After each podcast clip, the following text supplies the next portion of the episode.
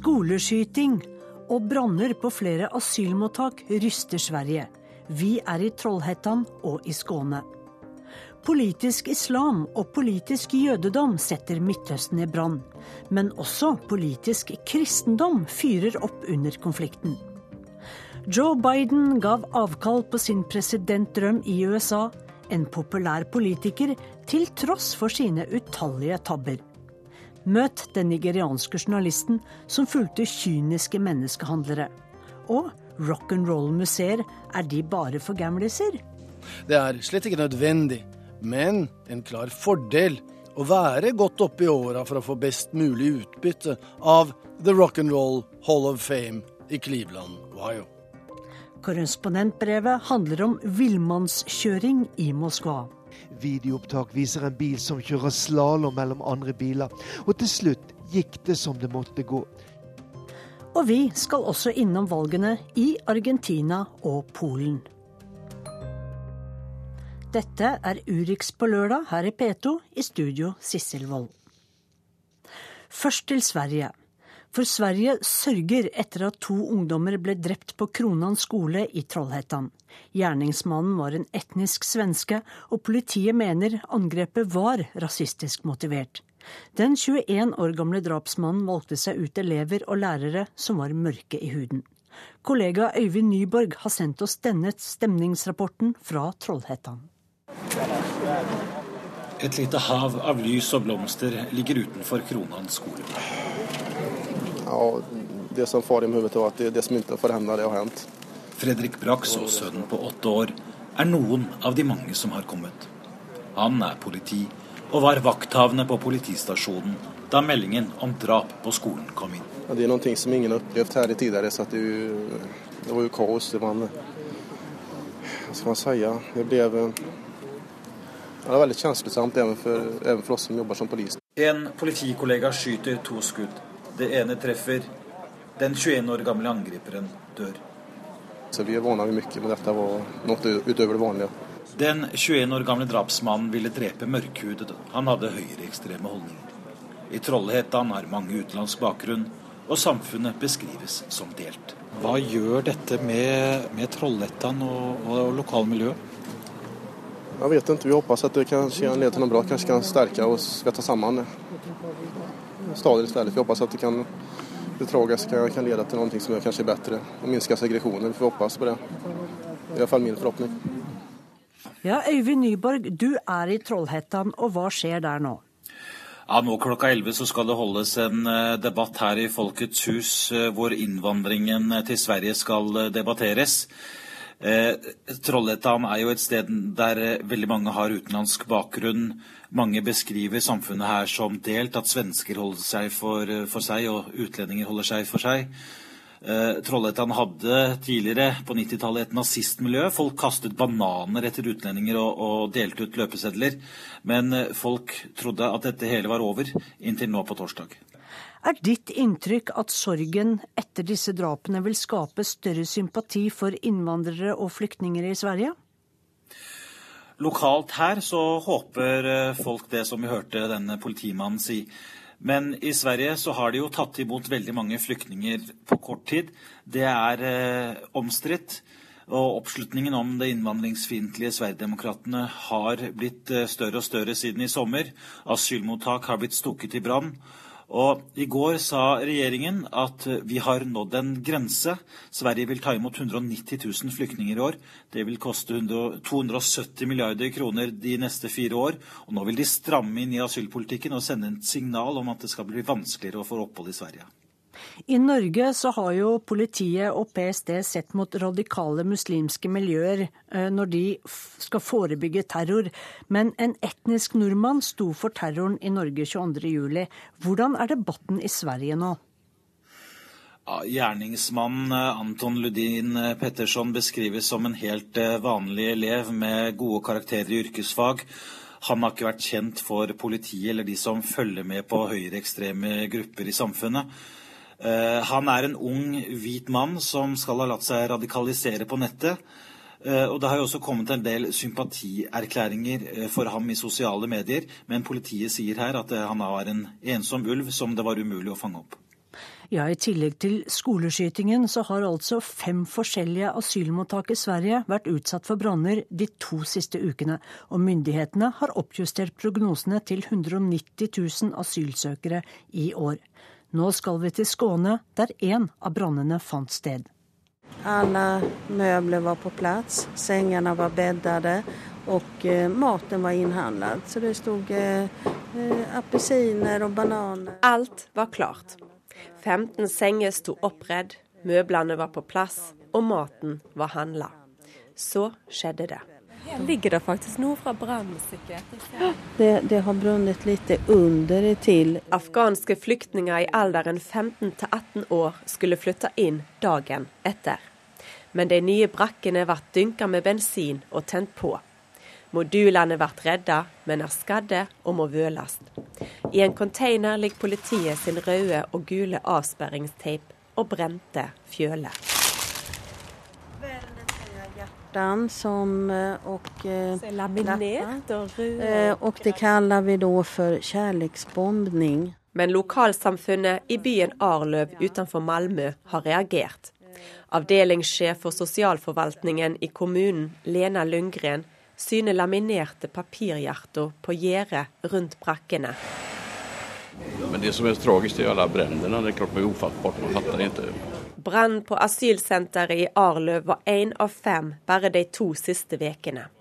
Samtidig oppjusterte Migrasjonsverket prognosene for asylsøkere til Sverige til 140 000-190 000 i år. Og rekordmange kom bare denne veka. Direktøren Tord sitter på en benk på Malmö sentralstasjon og kikker på mobilen. Ja, altså, mellom 140 og 190 000. Eh, 29 milliarder kroner. Regjeringa øker prislappen på asylhåndteringa med mer enn 29 milliarder kroner i prognosen. Tord sier ingen støtter brannstifterne. Men utryggleiken og tanken om at skattene må heves for å betale regninga, kan markere ei endring i Sverige. Nå må resten av Europa våkne. Når folk bare ser det her, da kan det nok bli litt knepig. Da syns man sikkert at, at även andre länder kan være med og hjelpe til. Men bak tala på mobilen gjemmer det seg skjebner. Som Eva på to år og Ralid på fire år. De sitter på en annen benk med livet sitt i to blå Ikea-bager.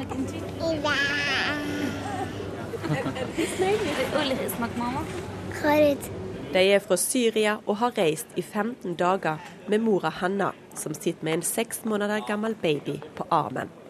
Mannen er og snakker med Migrasjonsverket innan de tar bussen til Oslo, der de har slektninger. Det kommer mer og mer nå siste halvtime. Men brannene tar altså svenskene sterk avstand fra. En av dem er Margareta. Man blir forbanna. Man gjør ikke så. Man skal hjelpe. Jeg syns absolutt det er feil. Og, göra. gjøre, att Det kommer så utrolig mye mennesker. De kommer jo ikke for at de vil, de kommer for at de måste. Politiet har skärpt kontrollen av asylcentra og vurderer å hålla det hemmelig hvor de nye skal ligge. Det synes Nina og Jessica er trist. Men det er hemskt de kommer, man får tycka hva man vil om invandrarpolitiken men det er fruktansvärt at de utsätts for dette og blir bemötta på dette settet. Jeg tycker det er helt oacceptabelt men det forvåner meg ikke med den ekstreme totalinnvandringspolitikken som eh, Sveriges regjering, da Sjukløveren har ført seneste tiden. Men Peder er ikke overraska. Han syner til det han kaller regjeringa sin ekstreminnvandringspolitikk.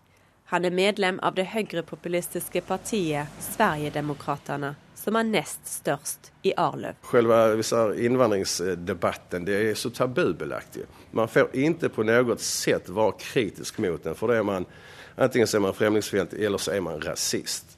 Peder mener grensa er nådd i Sverige. Han er frustrert over at noen sosialbosteder går til flyktninger og ikke svensker. Men han er mest frustrert over at en i Sverige ikke ope kan diskutere problemer. Så det er en veldig polarisering med en stor majoritet som vil hjelpe, vise empati, og en liten minoritet som fjutter eld. Statsviter Anders Hellstrøm ved Malmö høgskole sier brannene er et uttrykk for en veldig polarisering i Sverige. Men han tror ikke det kommer til å endre noe politisk og minner om at det òg var mange branner i Sverige i samband med innvandringa fra Jugoslavia på tidlig 90-tallet. Altså, Sverigedemokraterna er en pol, og så blir de her misnøyde Moderaterna og misnøyde Kristdemokraterna er, er pol to, og så pol tre er den som vi har just nå i Sverige. Men det ulmer mellom noen av de borgerlige velgerne, noe som kan leie til et tredje alternativ ved det neste valget. I dag er det kun riksdagspartiene mot Sverigedemokraterna. Er det mulig å bare kikke litt inn? Siden det er det. Lundgren syner oss et annet asylmottak for barn i en gammel sukkerfabrikk. Det er overfylt. De har to andre på gang. Kommunen har tatt imot 35 barn i år, men vet de vil bli bedt om å ta imot flere. Den nye prognosen er nemlig at 30 000-40 000 enslige asylbarn vil komme til Sverige i år, mot knappe 8000 i fjor. Folkene har ventet i tilfeldige boenden. Lundgren sier det er svært vanskelig å finne bosteder. Derfor var brannen i Arløv ekstra uheldig. Nå venter kommunen og de 15 asylbarna på at brannskadene blir reparert, og de endelig kan flytte inn. Det var Tove Irén Spitsø Gerhardsen som rapporterte fra Skåne.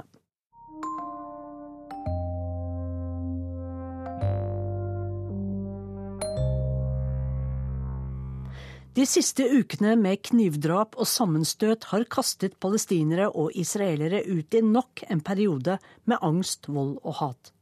Kampen om helligdommen i Jerusalems gamleby står sentralt, høyden muslimene kaller Harem al-Sharif, og som jødene kaller Tempelplassen. Religion har en stor plass i Midtøsten, og ofte debatterer vi politisk islam, av og til politisk jødedom, som er ideologien til bosetterbevegelsen. Men langt sjeldnere snakker vi om politisk kristendom, som også fyrer opp under Israel-Palestina-konflikten. Forfatter og filmskaper Dag Hoel skrev boken 'Armageddon halleluja møter med politisk kristendom' i fjor. Og Dag Hoel, hva er essensen i denne ideologien? Politisk kristendom er selvfølgelig et veldig sammensatt fenomen. Det jeg skriver om, er de som vi kaller for kristne sionister. Og en enkel definisjon på kristen sionisme, det er at man oppfatter opprettelsen av staten Israel i 1948 eh, som Guds inngripen i verden. Opprettelsen av Israel var ikke et tilfeldig fenomen. Det var ikke FN som sto bak dette her. Det var, eh, en, det var fullbyrdelsen av en profeti. Og så er det videre sånn at eh, i, i kristensionisters forståelse da, av, av uh, hvordan ting forløper i verden, så er det sånn at det jødiske folket skal vende hjem til Israel nå som de har fått sitt eget land. De skal ikke lenger befinne seg uh, i diasporaen, i utlendighet. Alle må hjem. Og når alle jøder er hjemme, så vil den tida som eh, Eller da, da, befinner vi oss i noe som de kaller for trengselstida, som vil karakteriseres av eskalerende kriger. Episenteret er Israel, og krigene blir verre og verre, og til slutt så kulminerer det hele med endetidsslaget Armageddon. Og forståelsen er altså slik at vi må gjennom denne perioden fram til apokalypsen, Armageddon, før vi kan nå fram til det fredelige tusenårsriket da Jesus skal regjere verden. Dette er kristen sionisme. Men paradokset her er vel at politisk kristendom og kristensionistene ser på jødene som karakterer i et stort bibelsk drama, som, som brikker i et stort skuespill?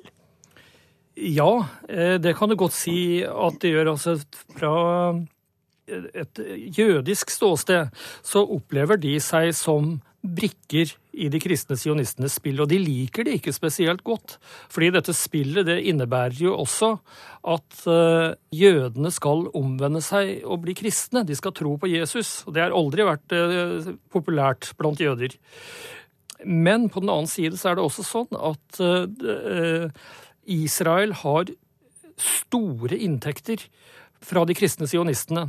Det ligger i, i kristensionistenes praksis at de, de, skal Deres frelse, deres uh, ja, deres forløsning ligger i, i, i, støtten til det jødiske folket.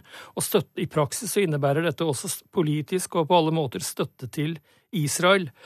Og de reiser Eh, tusener på tusener, millioner av kristne sionister reiser til Israel hvert år, og dette representerer en stor inntektskilde for Israel. Og det gjør at det er et slags, hva skal jeg si, en slags uh, overenskomst da, mellom eh, Israel på den ene siden og de kristne sionistene på den andre siden. Selv om israelere, jøder, ikke er spesielt glade for den teologien som kristensionistene står for. Hvilken rolle spiller Tempelplassen eller Haram al-Sharif her, for det er jo der en av de store kampene står nå? Eh, altså, Tempelplassen er jo et eh, helt sentralt sted også i den kristensionistiske forståelsen av, av eh, hva skal jeg si, det eh, hendelsesforløpet som vi har nå. De mener at vi er inne i de siste tider. Vi nærmer oss verdens ende. Og eh, da er det profetert at tempelet skal gjenreises. Så eh, på, altså, Vi kaller tempelplassen i Jerusalem tempelplassen fordi at det har stått to jødiske templer der tidligere. Det siste ble revet for 2000 år siden av romerne. Og forståelsen til kristensionistene er at nå, når tid som helst egentlig, så skal det reises et nytt tredje tempel. Og i det tempelet så skal den jødiske offerkultusen gjenopprettes. Eh, dette er eh, gammeltestamentlige forestillinger som er henta fram og gitt liv i, nå, i dag, i vår tid. Hvor er det de har makt? Er det som en sterk lobbygruppe i USA, eller er det andre steder? Det er jo først og fremst i USA at de har eh, sterk politisk makt. Eh, men der representerer de også noe helt eh, grunnleggende. Altså den, slik som vi kjenner den amerikanske støtten til Israel, så er den bare mulig fordi at den kristensionistiske lobbyen er så sterk som det den er. Så Vi snakker ofte om den amerikanske støtten til Israel, og det er ikke først og fremst amerikanske jøder, men det er amerikanske kristne som står bak den lobbyvirksomheten. Er det en uvant tanke å tenke at uh, kristendommen også kan være en uh, radikal og ja, farlig ideologi når den blir uh, ekstrem og dogmatisk? Ja, jeg synes jo det det er veldig lett å snakke om eh, politisk islam og politisk jødedom for den del, eh, men vi har noe å rydde opp i for vår egen del. Som, ofte er det jo sånn at det er vanskelig å se eh, det som vi har aller nærmest oss sjøl. Når det gjelder endetiden, er det noen tegn som viser at, at kristensionistene har rett, at endetiden nærmer seg? Ja, Det kommer an på øynene som ser. Altså, Kristensionistene ser jo disse tegnene rundt seg hver dag. Altså, Enhver krigshandling, eh, og særlig i Midtøsten, er en bekreftelse for en kristensionist på at han har rett. Det er noe av det som er eh, utfordrende med denne bevegelsen. At eh, for dem så er ikke forventningen fred.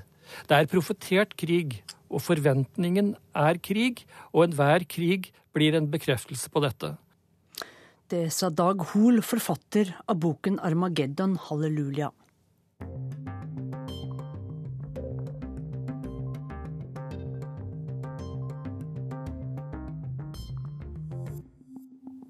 Denne uken ga Joe Biden avkall på drømmen han har hatt i mer enn 40 år, å bli USAs president. Med kona Jill og sjefen Barack Obama ved sin side kunngjorde han at han ikke kommer til å utfordre Hillary Clinton ved å forsøke å bli demokratenes presidentkandidat. Biden er en av USAs mest populære, erfarne og respekterte politikere. Selv om han ikke alltid har hellet med seg når han formulerer seg, forteller Wenche Eriksen. Du finner dem på nettsidene til seriøse medier som Time, Politico og The Telegraph. Bidens greatest hits, Top ten Joe Biden gaffes og Joe being Joe hans beste bommerter og fadeser. For USAs visepresident er viden kjent for å tråkke i salaten til de grader. You cannot go to a 7-Eleven or a Dunkin' Donuts unless you have a slight Indian accent. Du kan ikke gå inn i en 7-Eleven-butikk eller donutsjappe uten en indisk aksent. Ikke veldig politisk korrekt av en daværende senator som snakker med en indisk-amerikansk støttespiller i hjemstaten Delaware, der indere utgjør den største innvandrergruppen. Skikkelig rabalder ble det da Biden som presidentkandidat i 2007 beskrev motkandidaten Barack Obama slik. I mean, sort of mainstream African American yeah.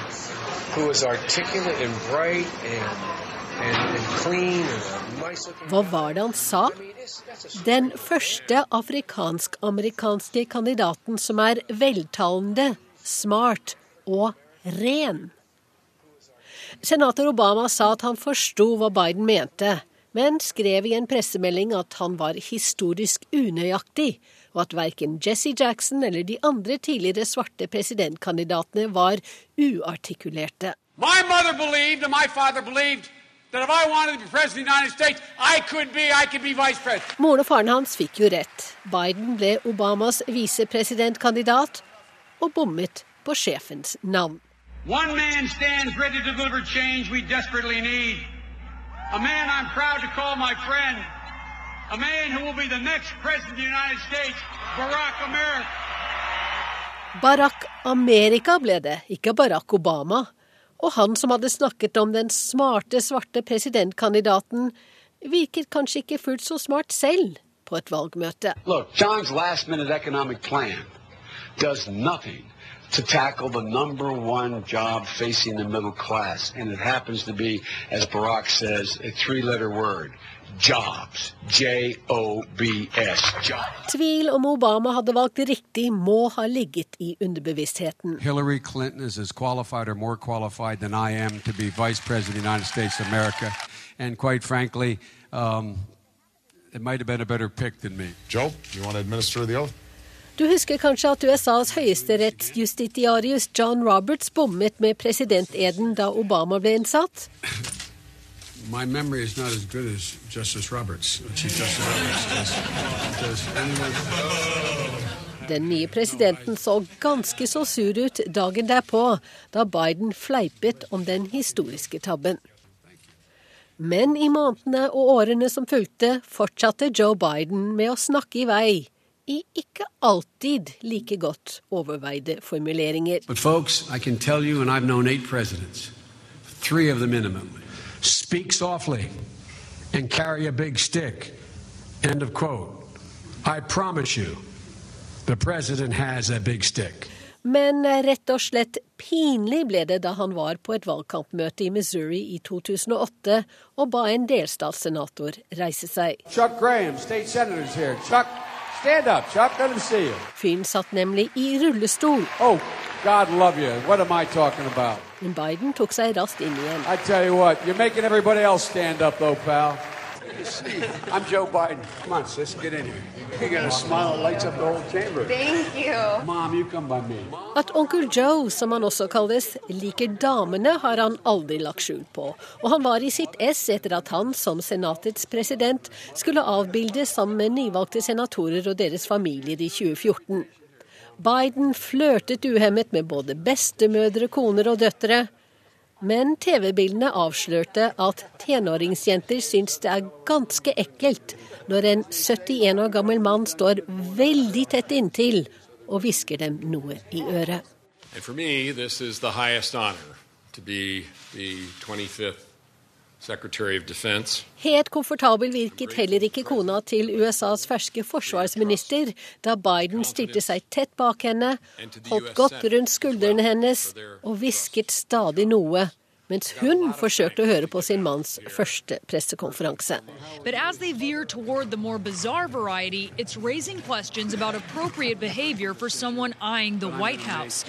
er ikke bare CNN som det siste året har spurt om Joe Bidens mange feiltrinn gjorde ham uegnet til å være USAs president. Men nå blir han jo ikke det. But while I will not be a candidate, I will not be silent. Joe Biden fortsetter som USAs visepresident i 15 måneder til, så flere godbiter fra den kanten kan vi nok regne med. Og som Barack Obama sier Ja, I morgen er det valg på ny nasjonalforsamling i Polen. Det konservative nasjonal nasjonalistpartiet Lov og rettferdighet leder på meningsmålingene. Men hvis det vinner, kan det skape problemer for EU-samarbeidet.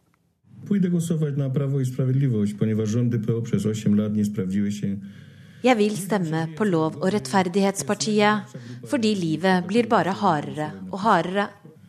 Åtte år med borgerplattformen har ikke løst noe. De rike har blitt rikere, og de fattige har blitt fattigere. Det sier 45 år gamle Adam Kalabis til nyhetsbyrået AP. Han jobber som gruvearbeider i Rudaslaska sørvest i Polen, og håper søndagens parlamentsvalg vil føre til et politisk skifte i landet. Det er han ikke alene om. Det konservative nasjonalistpartiet leder stort på meningsmålingene. Og slik det ser ut nå, er bare spørsmålet hvor stor seieren blir, og om partiet vil kunne danne regjering helt alene. Polska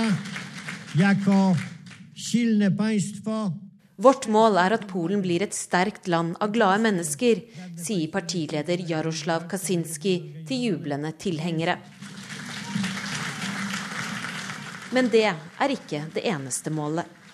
Lov- og rettferdighetspartiet har satt sin ære i nasjonalistiske og proteksjonistiske holdninger, og har aldri trodd på et europeisk samarbeid, skriver Politikkens europaredaktør Thomas Lauritzen i en analyse om morgendagens valg.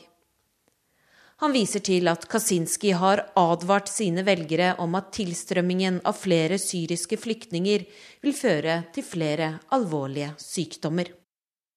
Lov- og rettferdighetspartiet mener at kvotefordelingen av asylsøkere mellom EU-landene er et forræderi og at de har blitt tvunget til denne avtalen av EU og Tyskland. Hvis partiet vinner i morgen, er det høyst usannsynlig at de vil respektere løftet som dagens regjering har gitt, nemlig om å ta imot 7000 asylsøkere. Og i morgen har altså 30,7 millioner polakker mulighet til å si hva de mener. Og det de mener, vil ikke bare påvirke Polen, men også EU. Ja, sa korrespondent Guri Nordstrøm, og fra valg i Polen til valg i Argentina. Mange av landets 32 millioner stemmeberettigede håper på forandring etter åtte år med den omstridte Christina Kirchner. Målingene tyder imidlertid på at det blir hennes kandidat som vinner valget. Arnt Stefansen var på peronistenes siste valgkamp i Buenos Aires i går.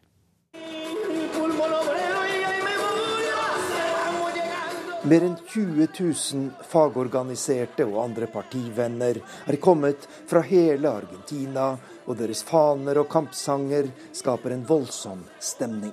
Ingen slår peronistene når det gjelder massemobilisering og politisk agitasjon, og presidentkandidat Daniel Shauli forteller sine partivenner hvem han først og fremst vil kjempe for. Reafirmo mi compromiso que mi prioridad jeg bekrefter at jeg vil prioritere de fattige, arbeiderne og middelklassen, sier Shawley, som lover mindre skatt til de laveste inntektsgruppene dersom han blir valgt til president. Og ifølge meningsmålingene er han klar favoritt til å vinne morgendagens valg, til tross for at hans partifelle Christina Kirchner etterlater landet i dype økonomiske vanskeligheter.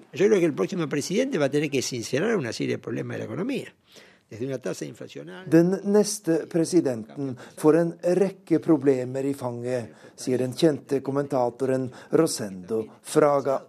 Inflasjonen nærmer seg 30 selv om myndighetene benekter det. Økonomien er i nedgang, samtidig som regjeringen fører en raus sosialpolitikk overfor sine kjernevelgere i den fattige delen av befolkningen, sier eksperten. Jeg er i Calle Florida i Buenos Aires, Argentinas mest berømte handlegate. Men mange av butikkene i Caye Florida sliter. Folk er blitt mindre villige til å åpne lommeboka, og turismen synker. Ikke minst pga. krisa i nabolandet Brasil. Det er mange grunner til at folk bør stemme på opposisjonen, sier Julia Maena, som står på valgstand for partiet Cambiemos, la oss forandre. Økonomien er motoren i alt, og den går veldig dårlig. Men det er også stor bekymring for kriminaliteten og narkotikaproblemene, og mange er rasende på korrupsjon og kameraderiet i peronistpartiet. Vår kandidat Mauricio Macri ønsker en grunnleggende endring av Argentina. Han vil ha mindre stat og satse på den som skaper verdier, sier valgkampmedarbeideren.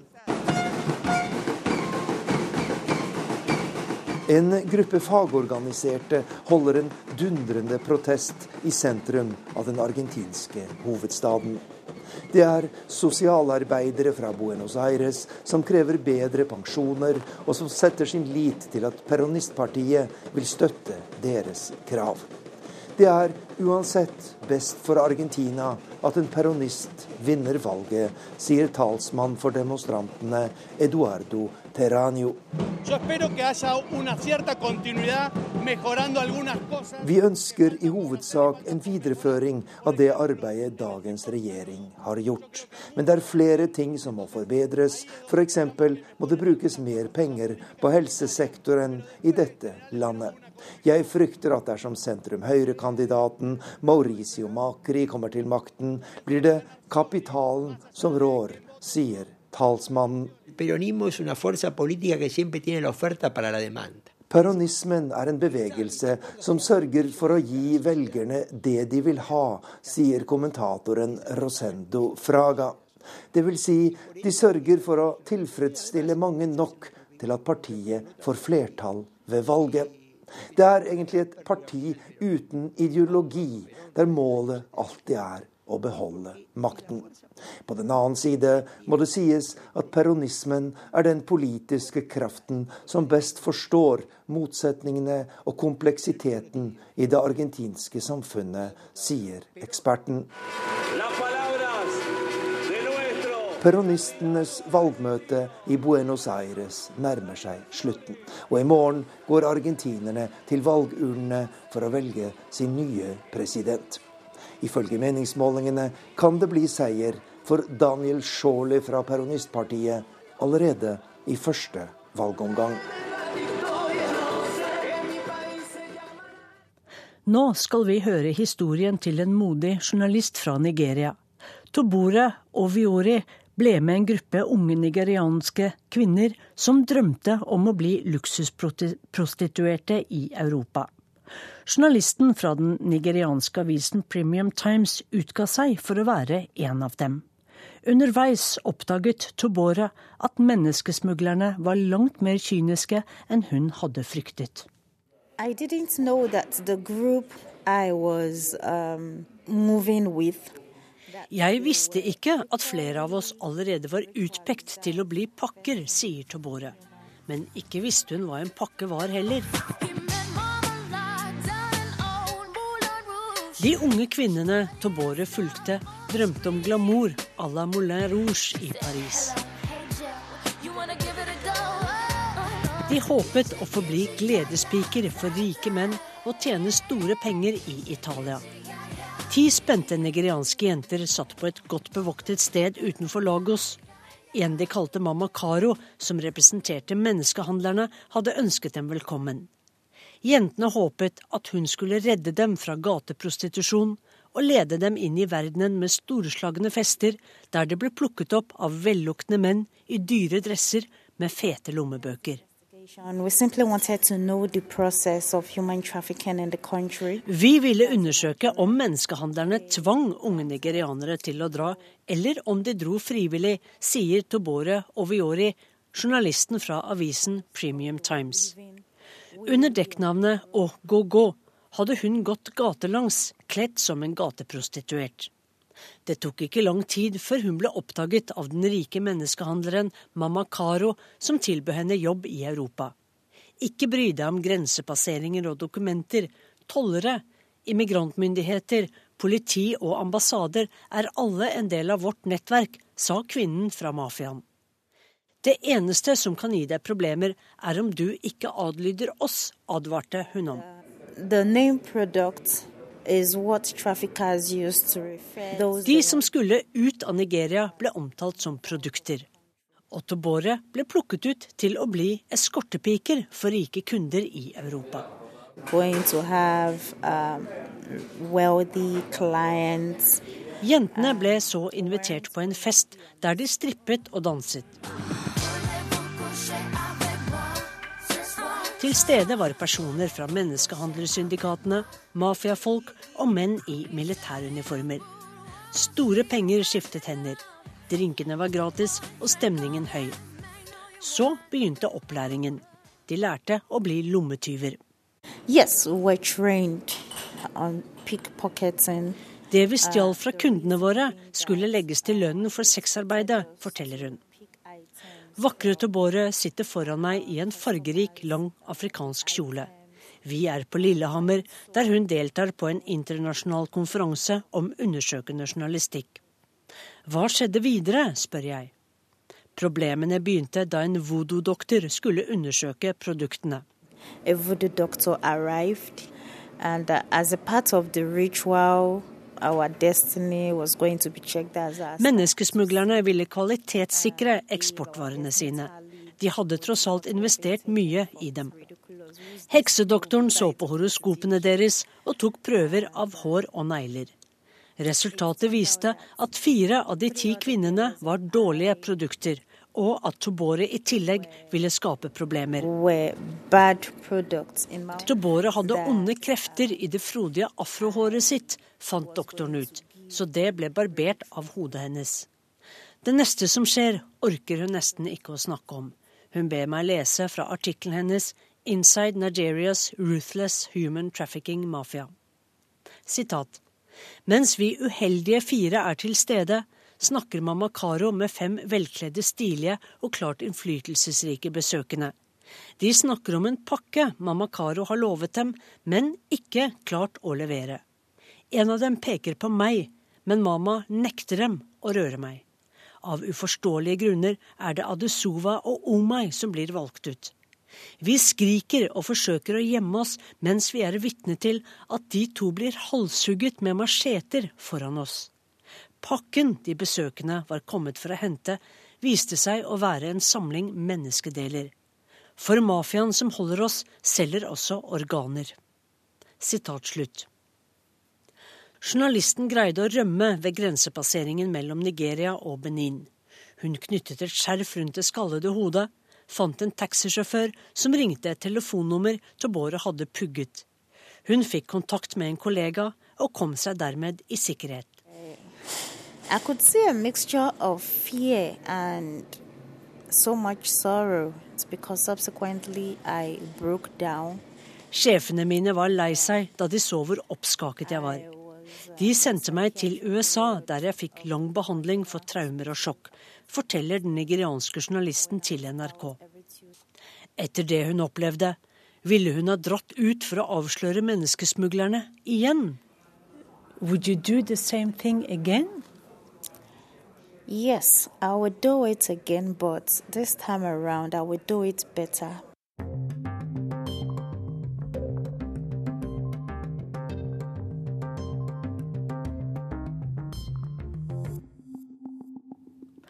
I USA vet de å dyrke sine mange helter og idoler.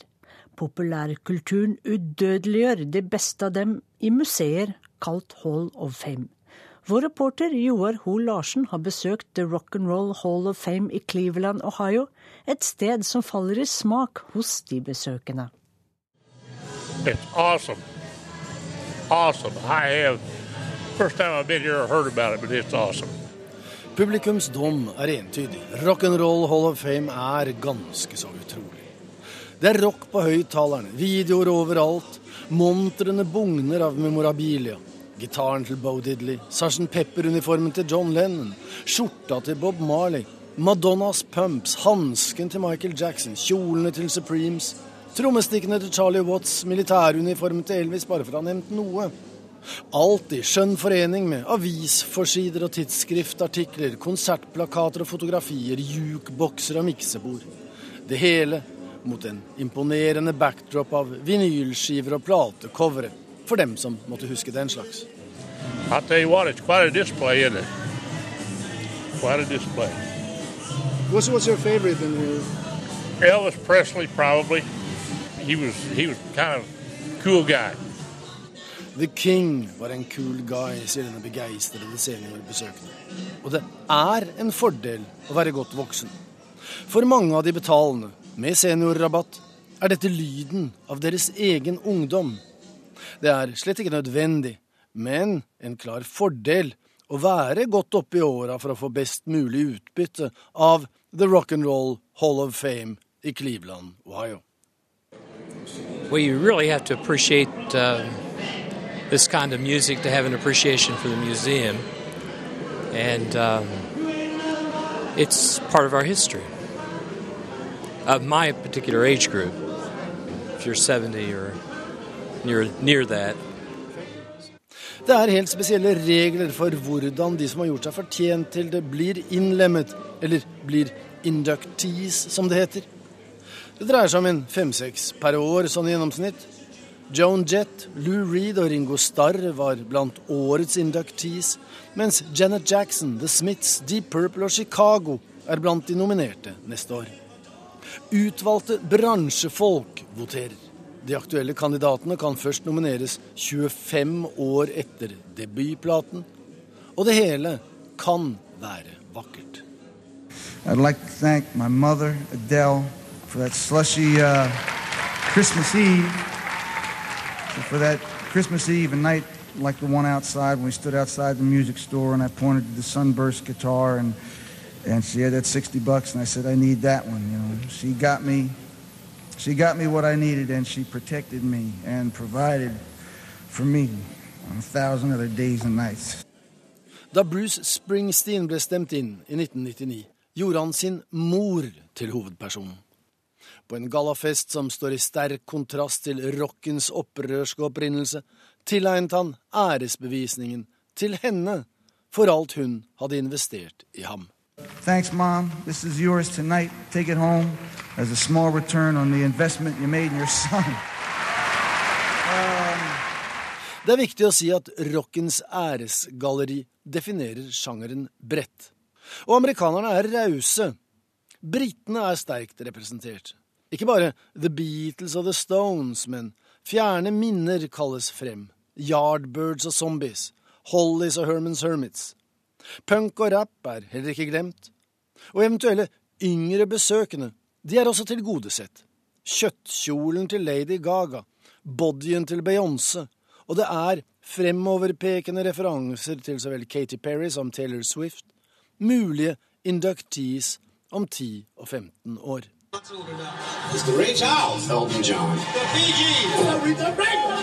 Rock'n'Roll Hall of Fame ligger i en moderne og vakker bygning helt nede ved Lake Erie-sjøen, i den ofte litt oversette og glemte Ohio-byen Cleveland. Biggest wow factor. You know that is so dependent on who your favorite artists are. Gammalrockeren Alex, fremdeles rocker som han understreker, jobber der. Den eneste måten han kunne bli en del av rockens Hall of Fame på. Han forteller at folk tror de skal se på gjenstander, og så får de en multikulturell vegg-til-vegg gjenopplevelse av sin egen ungdomstid. Det er det største for de fleste besøkende, sier den grånende bassgitaristen Alex. People are kind of overwhelmed by the amount of stuff, you know. We'll come here just expecting to see a few music artifacts and realize, my God, this was their life, you know. And uh, that's probably the biggest wow.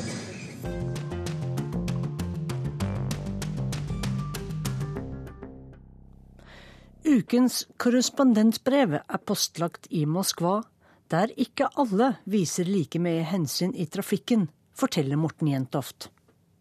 Det var ikke så langt fra NRKs kontor det skjedde, ja, like ved broen over Moskvaelven, som kan ses like bak meg når jeg rapporterer hjem i direktesendinger som Dagsrevyen og Urix. Her går Hageringen, den aldri hvilende, pulserende ringveien som går rundt sentrum av Moskva. Der titusenvis av biler står og stamper i rushtiden, eller raser av gårde i de få periodene helst om natten eller i helgene, da trafikken her i sentrum av den russiske hovedstaden roer seg ned. Seint fredag kveld kom en Ferrari sportsbil av den mer kostbare sorten i stor fatt over Krimskij most, Krimbroen. Ja, det har broen hett lenge før den formelt ukrainske Krimhalvøyen ble gjenforent, som det heter her, med Russland, med moder Russland i fjor vår. Videoopptak viser en bil som kjører slalåm mellom andre biler. Og til slutt gikk det som det måtte gå. Den kom over i et motgående felt, og så smalt det. To personer ble skadet, en av dem alvorlig. Flere biler brant kraftig og lyste opp i Moskva-natten. For så vidt ikke noe uvanlig syn. Bilulykker skjer hele tiden her i tolvmillionersbyen Moskva. Men utover lørdagen ble detaljene rundt bilulykken kjent. Og det har gjort at dette er blitt en av de store snakkisene her i den russiske hovedstaden den siste uken. Og trolig opptatt folk mer enn besøket fra den syriske presidenten Bashar al-Assad og økte matpriser pga. sanksjoner og et iskaldt forhold til Vesten. For det ble fort kjent, nyheter sprer seg i lynende fart nå, med russere som er gale på sosiale medier, at sjåføren i bilen til flere millioner kroner var en 17 år gammel gutt uten førerkort. Samtidig kom det ut opplysninger om at han tilhørte en av Russlands rikeste familier, med israelsk pass og statsborgerskap i baklommen, i tillegg til det russiske. Dermed kokte sosiale medier over av innlegg, de fleste full av indignasjon over hva som hadde skjedd. Hvordan er det mulig for en 17 år gammel bortskjemt jypling å sette seg bak rattet og rase rundt i Moskvas gater på denne måten som han hadde gjort? Og hvordan landets styrtrike elite, ofte med dobbelt statsborgerskap, lever et liv som er hevet langt over både loven og den vanlige russer. For 17-åringen, som utrolig nok klarte å komme seg ut av den brennende Ferrarien i tide, ble raskt fraktet bort av en livvakt som hadde fulgt med i en annen bil. Hvor livvakten var da den førerløse ungdommen satte seg inn i bilen, er det mange som har spurt seg. Men livvakten sørget i alle fall for å holde både journalister og politifolk unna sykehuset han ble lagt inn på. Men det skjedde på en måte som gjorde at det nå er straffesak mot livvakten, både fra det statlige TV-selskapet Razia og fra politiet. Nå skriver den populære avisen Moskovske Kamsamolets at Thomas Leviev, som 17-åringen heter, allerede har dratt til Israel, og at hans far formelt har fått en straff på 15 000 rubel for galemannskjøringen, altså vel 2000 kroner. Jeg har selv i et tidligere korrespondentbrev rost den endringen som har skjedd i trafikkulturen i Moskva siden jeg bodde her på 1990-tallet. Og på mange måter er det blitt bedre. Men det er altså en del som er ved det gamle. Det er de, som 17 år gamle Thomas, som bruker Moskvas breie gater som en slags arena for en lek ikke bare med egne liv, men også med andres. Dessuten er det slik at med penger og innflytelse så kan du kjøpe deg ut av det meste. Da jeg før sommeren laget en reportasje til Uriks populære serie med drosjesjåfører verden over, fortalte vår sjåfør meg at korrupsjonen i trafikkpolitiet er som før, eller kanskje verre. Og dette til tross for at det har vært snakket i år etter år, helt fra president Vladimir Putin og nedover, at dette er et av de verste problemene som det moderne Russland sliter med. Selv trodde jeg at det var blitt noe bedre da jeg kom tilbake hit til Moskva sensommeren 2014. Men på en av mine første turer med bil, nettopp på den førnevnte Hageringen, så fikk jeg se at det var det slett ikke. Det å kjøre bil i Moskva er en morsom, men krevende øvelse. Du må hele tiden vite hvordan du skal legge opp turen, og velge filer som gjør at du kommer i rett retning. Hvis ikke kan det gå helt galt. Og det gjorde det med meg denne lørdagsformiddagen. Jeg valgte rett og slett feil fil da jeg skulle ut på Hageringen, og havnet i gal kjørebane. Rett mot en politibil med en betjent veivende med køll. Jeg utgjorde ingen fare for trafikken og gikk rett ut og sa at jeg beklager, jeg var ny i byen og hadde bommet på avkjørselen. Han tok et fast grep om kølen og viste meg veien inn i baksetet på den slitne politiforden. Så var det gjennomgang av alle dokumenter og førerkort fra Norge, som ble snudd og vendt på i flere minutter.